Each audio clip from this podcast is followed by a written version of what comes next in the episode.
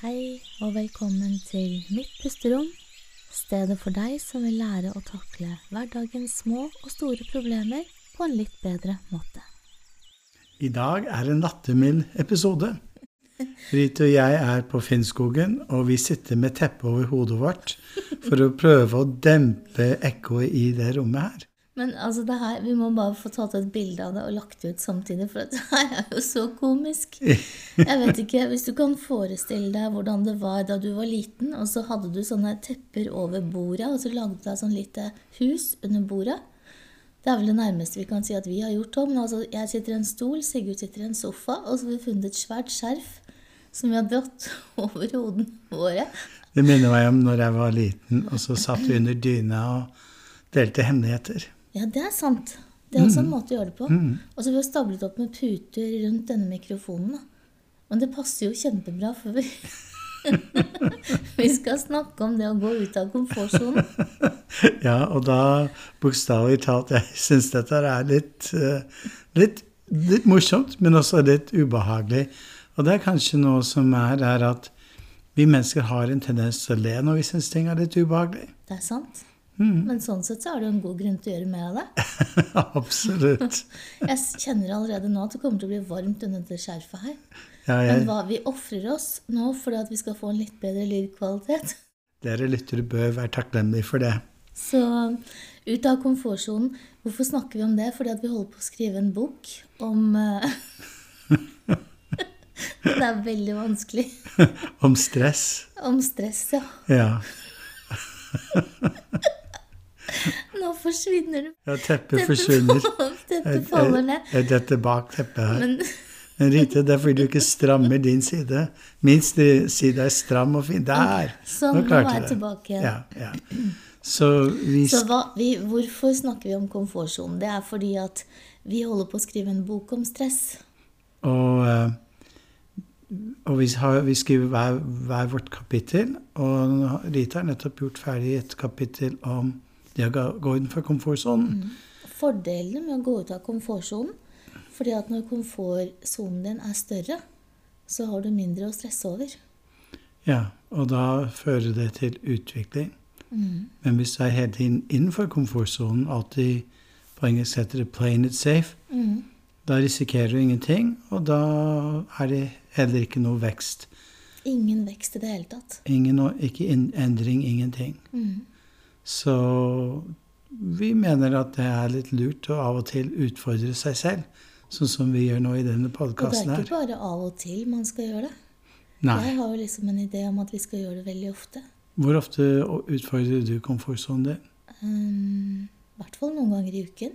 Noen ganger? Ja. Ikke daglig? Nei, ikke daglig, men jeg skulle kanskje gjort det daglig. Ja.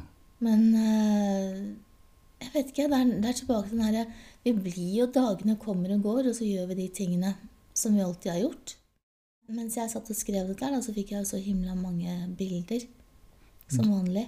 Din hjerne er sånn en liten eh, Som en sånn der bildemaskin. Ja. Jeg føler at jeg har en liten fremviser som bare går i hodet mitt hele tiden. ja. Og en av de tingene som da dukket opp på denne skjermen min mens jeg satt og skrev, det var da bilde av en liten ballong. Du vet, etter et barnebursdag så henger man opp masse, masse ballonger. Kanskje du glemmer noen da, som faller ned, og så ligger det bak en stol, og etter en kanskje uke eller to, så har den skrumpet og blitt en sånn gammel liten rosinballong. Den er fremdeles hel, men den er skrumpet. Mm. Akkurat det samme skjer med komfortsonen vår. Når den detter bak en stol. Ikke, ikke kanskje bak en stol, men når vi ikke er opptatt av å hele tiden holde den litt ved like. Ja. ja. Fordi det er så enkelt som at det som er i komfortsonen vår, er det som vi er kjent med. Det er rett og slett komfortabelt å være der. Og kanskje etter å ha sittet under det teppet her, så blir det komfortabelt òg. Jeg vet ikke. Enn så lenge så er det veldig vanskelig å sitte og se på deg to meter unna med, med dette skjerfet. Jeg føler meg som en ser ut som en sånn gammel dame. Men så og med sånne De henger jo ned da, på siden, ser ut som et langt, hvitt hår. Så, de her, og kanskje jeg kan venne meg til det òg. Jeg ser enda mer vakker ut enn vanlig. Eh, no comment. Men la oss dra det inn igjen. da. Så hvis vi ikke gjør noe for å opprettholde det som vi kanskje syns er litt ubehagelig, Og det kan, jeg så det etter covid, så var det veldig mange som hadde hjemmekontor kjempelenge. Og plutselig så sier folk til meg Så ringte de som Marita, nå gruer jeg meg litt til å dra tilbake til jobben. fordi tenk om ingen av kollegaene mine eller de jeg kjenner er på jobb i dag. Hvor skal jeg sitte hen i eh, kantinen da? Hvem skal jeg være sammen med? Plutselig så var det ubehagelig å sitte i åpent landskap igjen, for du hadde ikke gjort det på lenge.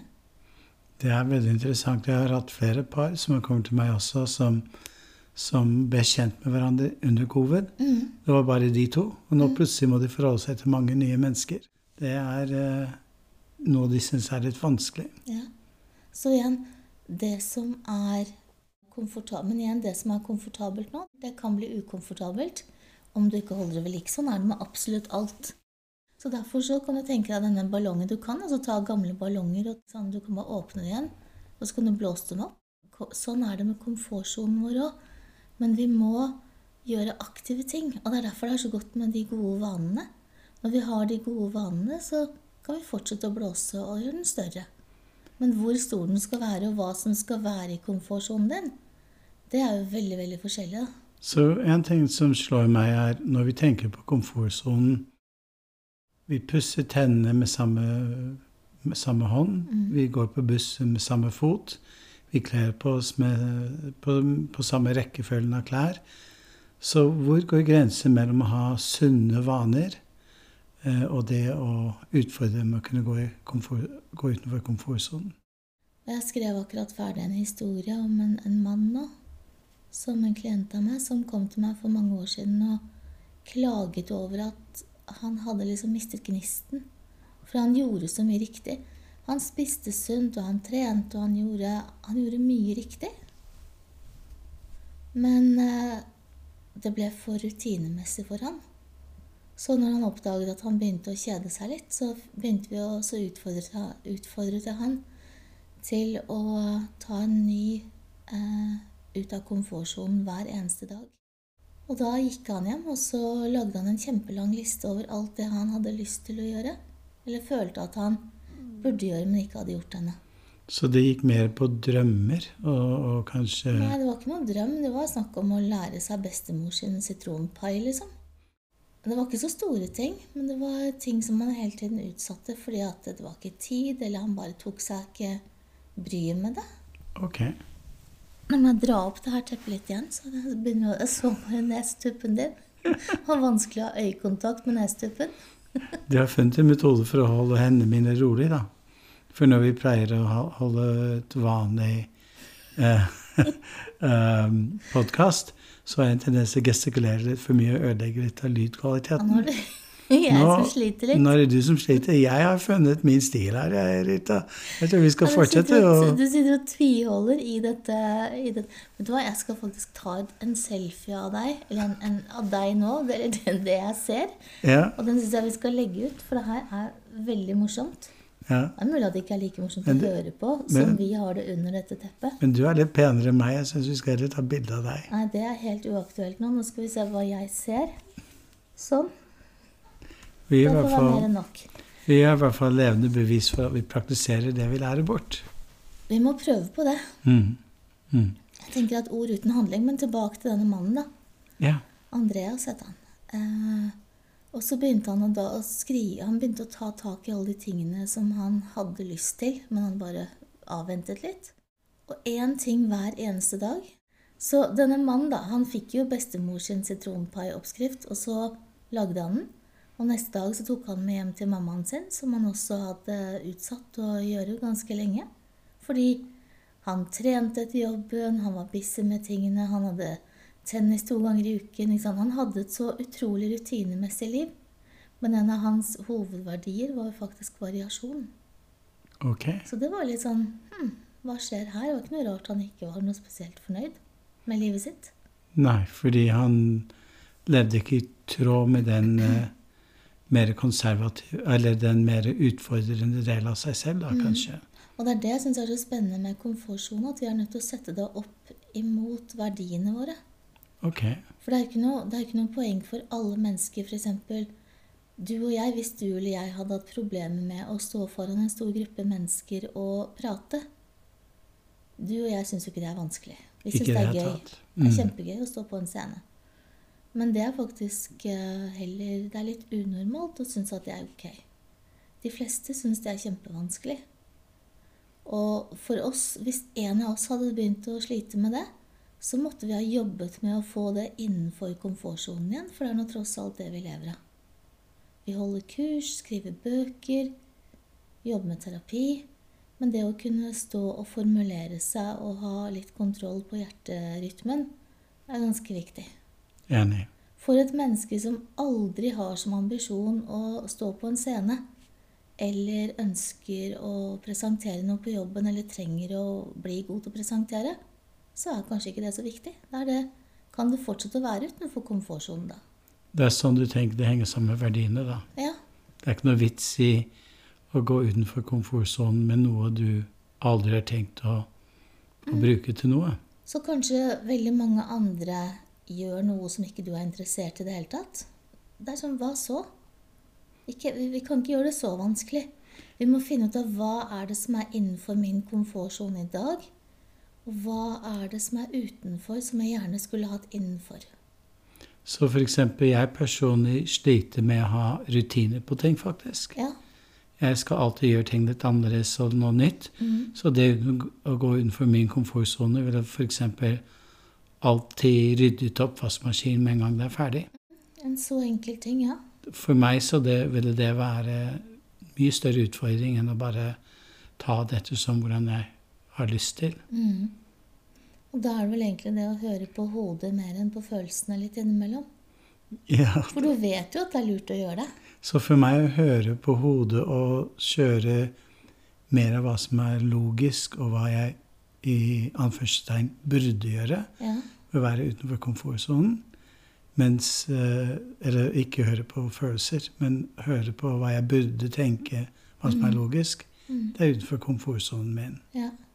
Og det var det som vi snakket om i stad. Da vi satt og spiste lunsj og snakket om dette med business before pleasure. Riktig. Som er det er egentlig akkurat det samme du sier, men med litt andre ord. Ja.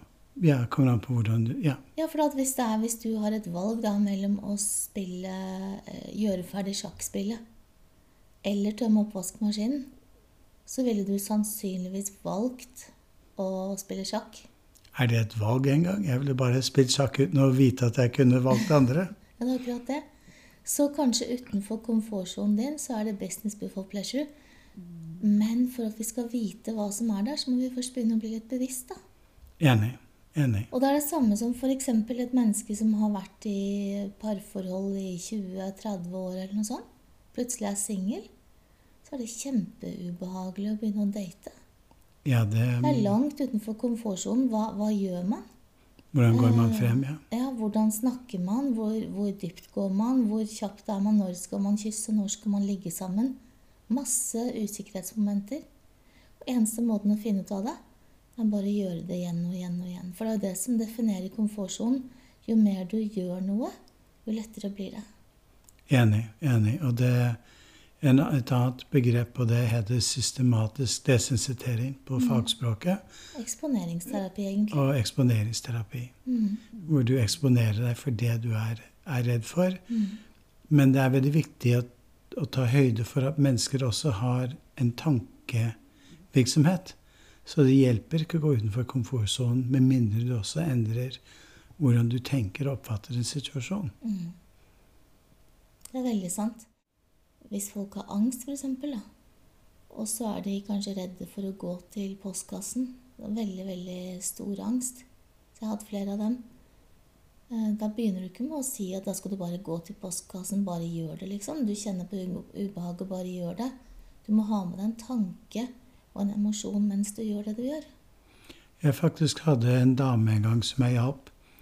Og hun ville, begynne, ville gjerne begynne å trene. Mm. Og vi begynte bare med å få på joggesko Okay. og, og inn i leiligheten hennes. Mm. Og når det var behagelig, så endte hun opp med å stå foran utgangsdøren. Ja. Og når det var behagelig, så begynte hun å gå et kvartal. Det var liksom tre kvartaler til uh, treningsstudio. Og vi bare helt systematisk tok det steg for steg inntil hun kunne gå og stå inn, inn i treningsstudio. Mm. Og så neste var å ta et apparat. Men det som var morsomt, var at uh, på et eller annet tidspunkt så opplever folk et slags vippepunkt. Hvor de har konfrontert den frykten såpass mange ganger at uh, hun kunne bare plutselig begynne å trene. Og det du snakker om nå, er da det som jeg, et sånn uttrykk som jeg har. Skal vi bare prøve å dytte opp dette her teppet som faller ned, så jeg ser mer enn bare snuten den igjen. Den damen som da tok det veldig, veldig, veldig, veldig steg for steg, det er sånn som jeg bruker å si til mine klienter Hvordan spiser du en elefant? Én og én bit av gangen. Og når vi spiser elefanter, så er det veldig mye mat, og vi er nødt til å gjøre det sakte. Vi er nødt til å ha en viss struktur rundt det. Og så må vi tillate oss selv å bli litt kvalme innimellom, for det blir vi. Når vi spiser den ene biten etter den andre, så må vi ha pauser. Vi må bli kvalme. Eh, det høres ut som meg på julaften. Spiser altfor mye og blir kvalm. Men det går over etter en liten pause, så klarer jeg jaggu meg å få i meg en liten bit pinner igjen. Så det å Altså, vi må pushe oss selv, men vi må også ha en viss aksept for at det tar den tiden det tar og at du vil møte mye ubehag. Og, det, og det, liksom dette med kapitlet som jeg skriver nå, at vi møter ubehaget, men det er det å begynne å tolerere ubehaget uten å skulle stikke fra det. For vi har jo en eh, Vi har jo et autonomt nervesystem som består av aktivering og avslapping. Altså det sympatiske nervesystemet. Det er det som da setter oss i gang når vi blir redde, vi får stress så skal vi enten flykte, eller vi skal slåss, eller vi fryser til is. Og så har vi det parasympatiske, som gjør det motsatte. Som på en måte gjør at vi puster ut, vi slapper av, vi betyr at faren er over. Og akkurat det samme er det når det gjelder med komfortsonen også. Vi må av og til pushe, og vi må ut av den. Og andre ganger så må vi trekke oss tilbake til komfortsonen vår, lukke døren, puste ut og tenke Wow, jeg overlevde. Det gikk bra og ligge og reflektere på at jeg, å, det gikk fint, jeg prøver igjen. Men vi må ha begge deler. Vi må ha begge deler. Vi kan ikke bare pushe på hele tiden og gå ut av komfortsonen og presse og presse og presse. og presse. Vi må ta med oss mestringsgleden, eh, læringen. Ta den med tilbake til hulen vår og ligge og kose oss litt der etterpå. Absolutt. På engelsk innenfor eh, trening så heter det et uttrykk 'no pain, no gain'. Mm. Og det handler om at du må lære å presse deg selv hvis du skal bygge muskler.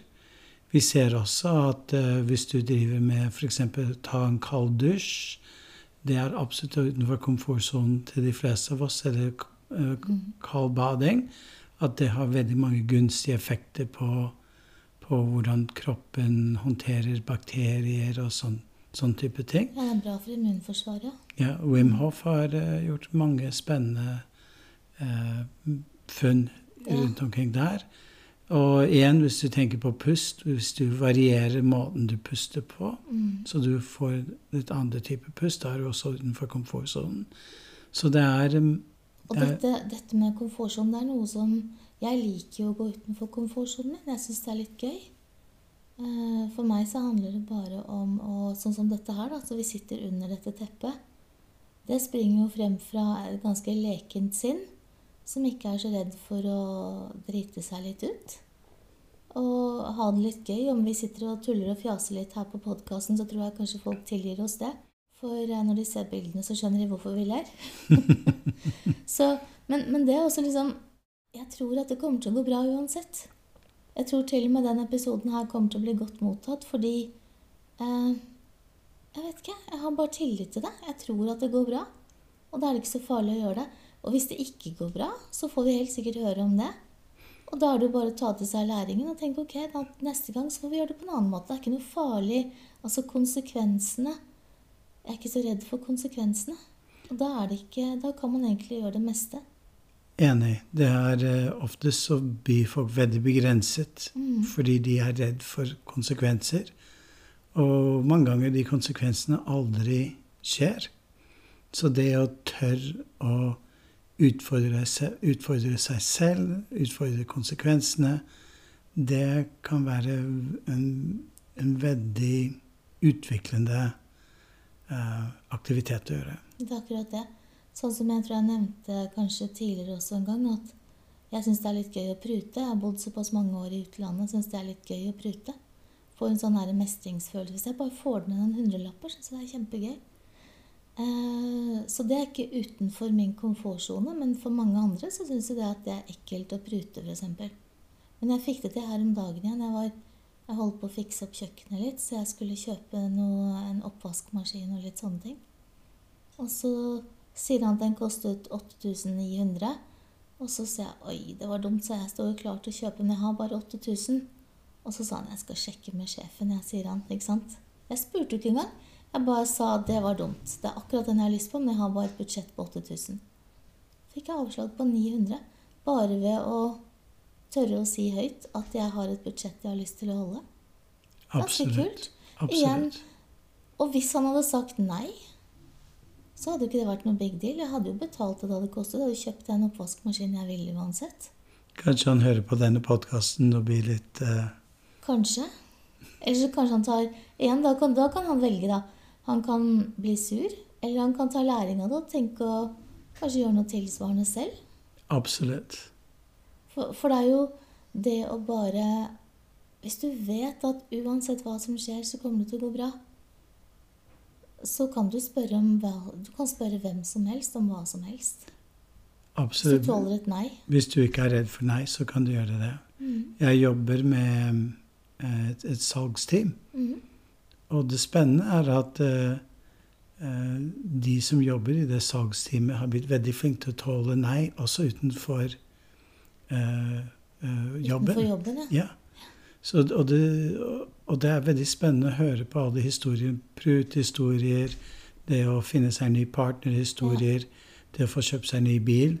De, og de er jo veldig hyggelige og, og gode mennesker. Det er ikke sånne sleipe folk som, som pruter på alt, men de får oftest mye bedre avslag, mye bedre deals på ting, mm. fordi de er ikke redd for å få nei. Det er jo litt morsomt. da, så Dette her er da telefonselgere, er det ikke det, som du jobber med? Ja. De, de primært på telefon. Eh, Så kanskje det er måten å utvide sin eh, komfortsone på? Tåle nei. Jeg Ta deg jobb som en telefonselger, og så blir du god på nei. Hvis du tåler nei, så, tåler, så kan du egentlig spørre hvem som helst om hva som helst, som vi sa. Og hvilke dører er det ikke da som åpner seg? Hvem var det Jeg husker ikke navnet, kanskje du gjør det. Var ikke en japansk mann som bestemte seg for å spørre folk om helt dumme og rare ting? Så han ville gå opp og banke på en dør og spørre de som bodde der Du, kan jeg låne hagen din? Jeg har lyst til å sparke fotball i hagen din. Det her har jeg ikke fått med meg. Å nei, jeg husker ikke hva han heter, men han gjorde sånne rare ting i 100 dager. I 100 dager, ja. Og så gikk han og spurte folk om bare helt sånne rare ting. Og fikk nei og nei og nei, men han sa det var så utrolig mye læring i det å få nei. Jeg lurer på om ikke det er en TED-talk. jeg. Det kan godt hende at det er, ja. Det høres litt sånn ut. Mm. Morsom, inspirerende historie. Mm. Eh, en, en ting til i forhold til dette med komfortsonen. En liten historie som jeg skrev. Kanskje vi skal ta den med i boken, kanskje ikke. Men det var et eh, morsomt par som jeg hadde, som kom for mange år siden. Og det er kanskje litt sånn som det ofte blir når man har vært gift i mange, mange år. Man gjør det samme, man kommer hjem, man setter seg og spiser, man ser på TV-en. Altså dagene kommer og går, og liksom fredagen var lik onsdagen som søndagen. Det, det var lite som skjedde. Det var kjedelig.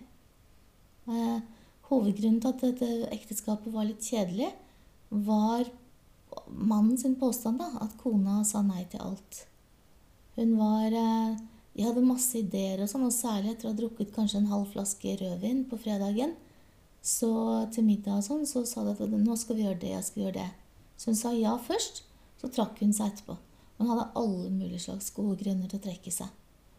Og etter sånn ca. 15 år da, med dette, så var han passe lei. Så han at nå må hun bare se og få sette i gang og jobbe litt og gjøre noe aktivt med dette.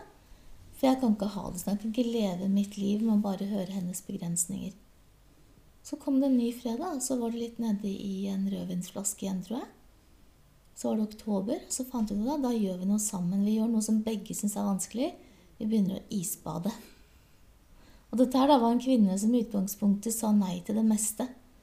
Så kom jo, Og så skulle de ikke bare isbade liksom, i løpet av helgen. De skulle gjøre det nå, med en gang. Og mannen er en skikkelig alfahanne. Så han sa ok, vi går ut, vi tar med oss håndklær, setter oss i bilen, kjører til stranda. Det var et par minutter unna. Så gjorde de det. Og den mannen, han bare river av seg klærne, løper ut i vannet. Det var ikke mange grader i vannet i slutten av oktober. Regnet, kaldt. Eh, så hopper han uti, brøler og kommer tilbake kjempefornøyd, ikke sant. Fordi han er jo da stappfull av adrenalin. Han var først uti, han vant. Eh, og, og, var fornøyd med seg selv. Og så ser han på kona, som da sånn Nja, vet du hva, kjære, det, kanskje det, Saltvannet kan jo ødelegge litt på bilsetene. Håndkleet er for lite. Um, jeg vet ikke om jeg egentlig er klar, jeg. Så begynte disse gamle unnskyldningene igjen. Så tar han, så sier han, vet du hva, eh, gi meg klokken, sa han. Ta deg av klokken din. Hun skjønte ikke helt hvorfor, men hun ga i hvert fall av, tok av seg klokken. Så stikker denne mannen da med klokken hennes langt uti vannet igjen, legger det på en stor sten langt, langt uti der. Og så sier han skal du ha tilbake den klokken, så får du hente den selv. Og det var hennes tiårsgave eller noe sånt, noe sånn bryllupsgave. Så løper jeg, og da, da, ble hun stående. Hun hadde ikke noe valg, da. Skal jeg ha tilbake klokken min? For hun visste at han ga seg ikke. Så må jeg hente den. Og da husket hun på noe som jeg hadde minnet henne på. Istedenfor at vi skal og tenke så mye på dette gode følelser eller dårlige følelser, om det er vondt eller vanskelig, eller om det er bra følelser, så sa jeg vær innom den hensiktsmessigheten. Er det hensiktsmessig å gå ut av komfortsonen din nå? Og akkurat det klarte hun å huske på der hun sto og frøs. Så tenkte hun er det hensiktsmessig å løpe til det vannet nå? Og det var det. Og da glemte hun, og før hun fikk tenkt noe mer enn bare ja, det er hensiktsmessig, så forsvant alle klærne hennes også. Hun løp uti, hylskrek, men hun så klokken, hun hadde et mål, hun fikk den tilbake. Og så løp hun tilbake og bannet og svor litt, men også hun ble ganske glad og fornøyd, da, for hun fikk det til.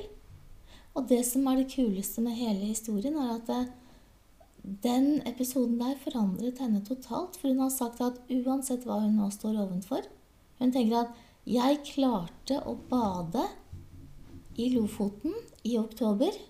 Da klarer jeg alt. Det er ganske kult. Det var en veldig fin historie. Og det, det bare beviser hvor viktig det er å utfordre seg, seg selv og gå utenfor komfortsonen. Mm. Av og til så er det lettere da, når vi i forhold til komfortsonen, så er det lettere hvis vi har noen som står og heier litt på oss, eller hvis vi gjør det sammen med noen. Eh, noe av det mest ut fra komfortsonen min jeg har gjort noen gang, vet du hva det er? Nei, hva da? Det er eh, Men det hadde jeg antagelig ikke turt hvis jeg ikke var så vant til å gjøre det. Men dette var så langt utenfor at du ikke kan tenke deg det. Jeg vet ikke om jeg har fortalt deg det. Jeg tror jeg kanskje har sagt det før, men jeg var på et kurs for å lære å spille gonger. Du vet sånne her store metall... Sånne kinesiske svære ja, ja. Mm. som man slår på. Så ble vi satt i litt mindre grupper. Vi, var, vi delte vel gruppen i to, tror jeg. Så det var vel kanskje 12-15 stykker i gruppen min. Og så kommer det jaggu meg en mann inn, og så jeg tenkte liksom, Nå har vi stått og gonget litt foran hverandre og hatt gongspilling. og synes det var kjempespennende, Men det var jo i grupper. Og så sier han Hva er liksom noe av det mest ukomfortable du kan tenke deg? Liksom? Ja, det er å synge høyt. Ok, men da gjør vi det. Nå stiller du deg der foran. Og så skal du spille på gongen, og så skal du synge høyt foran gruppen. Og du skal ikke synge en sang, du skal bare lage lyder. I okay. form av en sang. Få høre, da. Nei, nei, du gal, jeg har gjort det nå. Jeg skal ikke skremme lytterne Jeg trodde, trodde, trodde, du likte å gå utenfor ja, men Vi skal jo ikke skremme bort folk heller. Herlighet. Unnskyldninger. Tørke. Pyse. Men, men det, som, det, det handlet om, da, var at jeg gjorde det faktisk. Og måten jeg fikk det til på, var at jeg lukket øynene. Og så gikk jeg inn i meg selv, slo jeg på gongen, og så lagde jeg noen lyder. Og så ble det bare det det ble. Jeg tenkte ikke på om det var fint, jeg tenkte ikke på hva andre syntes om det. Jeg bare lagde de lydene som kom ut av munnen min. Men det å tenke på det var jo dritskummelt. Det å gjøre det var faktisk helt ok. Og sånn er det veldig ofte. Det er mye verre i tanken enn i virkeligheten. Og en ting som slår meg mens vi prater, er at hvis du blir god på å gå utenfor komfortsonen din, så kan du bli god til selvmotivering. Mm. Fordi oftest eh, selvmotivering handler om å overbevise hjernen at det du har tenkt å gjøre, er noe du egentlig liker. Enten fordi du oppnår noe, en gevinst på lang sikt, eller hva det måtte være. Mm. Og da vil hjernen bli vant til å gi deg dopamin når du går utenfor komfortsonen. Så når du sier 'jeg liker å gå utenfor komfortsonen min', da tenker jeg da har du en hjerne som er lett til å motivere til å gjøre nødvendige ting, da. Mm. Ja, jeg, i hvert fall, jeg, jeg tror nok det. Absolutt. Så hva som er utenfor komfortsonen til meg, er sikkert ikke utenfor komfortsonen din eller andre som hører på. Det er veldig, veldig, veldig forskjellig. Og det å sitte i en liten komfortsone som kanskje til og med skrumper fordi at du ikke vedlikeholder det du allerede kan, det er ikke så veldig komfortabelt i lengden. Og da er det viktig at vi gjør noen forebyggende tiltak. Vi vedlikeholder det som vi allerede gjør, som er ok. Og så må vi se er det noe litt utenfor som jeg har lyst til. å vite at det er så utrolig mye belønning i å mestre noe nytt. Og den energien du da får av å gjøre noe nytt eller gå utenfor komfortsonen eller tenke at wow, jeg overlevde Hvis du tar hvis bungee-hopping da, er det som er greia, så vil du antagelig få et adrenalinkick etterpå fordi du overlevde. Eh, og kanskje vil du være, sette enda mer pris på livet. Eller kanskje vil du ende opp med noen som har sånn dopamin-junkies. Da må de hoppe enda høyere neste gang, og enda høyere. Og gjøre noe enda mer ekstremsport. Eh, hvis det er viktig for deg, hvis det er en del av identiteten, så for all del, kjør på. Men hvis det ikke er viktig, så finn andre ting som hadde gitt deg mer glede i henhold til identiteten din. Vi kan også tenke på ting som er langt mindre utfordrende, men allikevel kan bidra til en bedre livskvalitet. F.eks. hvis du er høyrehendt, det er å pusse tennene med venstrehånda. Eh, hvis du går på buss med, venstre, med høyre fot, går på buss med venstre fot, osv. Og det interessante er at forskning viser at hvis du gjør sånne små endringer, hvor du er litt utenfor komfortsonen, da får du faktisk mer viljestyrke Mm. til å gjennomføre litt større ting senere den dagen eller den uken. Det er akkurat som sånn har viljestyrkekonto som vi fyller opp litt, er det det du mener? Ja. Ja. ja. Det, er, det er veldig interessant. Men det er jo også en, en, pågående, en pågående diskusjon, dette her med viljestyrke. Er det, har den en utløpsdato eller ikke? Går det an å fylle på den sånn som du påstår nå, eller ikke? Det er litt, det er litt forvirrende forskning rundt det. Ja, det er jo De strides litt om det, men uh, vi konkluderte med her forleden at uh, det handler mye mer om mindset. Mm. Hva du tror vil være resultatet av, av ting. Så, så før så har forskere vist at hvis du spiser eh, eh, sukker, så får du mer viljestyrke senere kontra en kontrollgruppen som ikke spiser sukker. Eh, Men så har de da fulgt opp med en annen type gruppe, hvor de ble overbevist om at sukker spilte ingen rolle. Og da hadde de like mye viljestyrke uansett. Så, så, og, men hvorfor sukker? Fordi glukose, som er jo sukker i blodet og i hjernen, det er det foretrukket eh, drivstoff hjernen liker å bruke når den skal utføre, utføre ting. Og vi ser at det er mindre glukose i de hjern, deler av hjernen eh, som, som man trenger for å være standhaftig. Mm. Og vi alle vet at de fleste bommer på en, eh, en diett, kanskje på en fredagskveld. Og de har vært kjempeflinke hele mandag, tirsdag, onsdag, torsdag. Og så kommer fredagen, så, så bommer de. Eh, og da kan vi forklare det med at oi, kanskje de hadde ikke nok eh, glukose i blodet. Eller at de hadde brukt opp hele viljestyrken i løpet av, av uken. Det minner meg også om For du skriver jo faktisk et kapittel om viljestyrke, så det er kanskje derfor vi kom inn på den nå. Ja, det jeg skriver en kapittel om viljestyrke nå. Mm. Men det tror jeg vi skal spare litt for en, annen podkast. men- Men eh, jeg tenkte på viljestyrke. Jeg tror alle sammen kjenner seg igjen at hvis vi, hvis vi går i butikken eh, når vi er sultne, så er det nesten umulig å gå forbi brøddisken uten å Eller der hvor det er noen varme boller eller noe sånt, er nesten umulig hvis du allerede er sulten. Hvis du er mett, så er det mye lettere å si nei til eh, den type mat. Det fins alltid en god unnskyldning. Og da igjen komfortsone. Er det utenfor komfortsonen din å si nei til sjokolade hver gang du går forbi, så gjør det. Hvis det er utenfor komfortsonen din å aldri spise en sjokolade, kanskje fordi du har en spiseforstyrrelse, kanskje det skal være et mål. Jeg tenker igjen den herre Vi skal ikke være så bombastiske og si enten-eller. Vi vi må kunne ja, hvile oss litt. Vi skal utfordre oss litt. Vi skal spise en sjokoladebit. Vi skal kunne si nei til en sjokoladebit. For å bryte min sukkeravhengighet, for jeg tror jeg var avhengig av sukker før, så kjøpte jeg en hel eske med After Eight. Og så Vi har snakket om dette på en tidligere podkast, men da var jeg utenfor komfortsonen min, fordi alle som liker den type mat, om det er godteri eller kjeks eller hva det er Hvis du har først tatt én bit, så har du lyst til å spise opp hele pakken. Så for meg, for meg å bare ta en bitte liten bit, og så heller kjenne på det ubehaget. Men nå istedenfor å synes synd på meg selv når jeg kjente på det ubehaget, jeg har skiftet mindset og ble nysgjerrig på det ubehaget. Mm. Hvor intens var det? Hvor lang tid vil det vare? Og når jeg var nysgjerrig på det, da skjedde det en utvikling istedenfor en innvikling. Der kampen sluttet ganske mye fortere, fordi jeg prøvde ikke å få vekk det ubehaget. Jeg bare aksepterte at den var der. Mm. Og da turte jeg å stå i det ubehaget. Jeg turte å stå i det så lenge det varte, med et nysgjerrig blikk. Og det gjorde at jeg nå i dag, hvis jeg vil Jeg kan godt ta meg en sjokolade, men jeg trenger ikke å spise opp hele esken. Jeg kan ta meg en, en liten bit av en uh, Twist-pose uten at jeg må spise hele Twist-posen. Jeg husker at du spiste opp en hel konfekteske en gang. Ved juletider.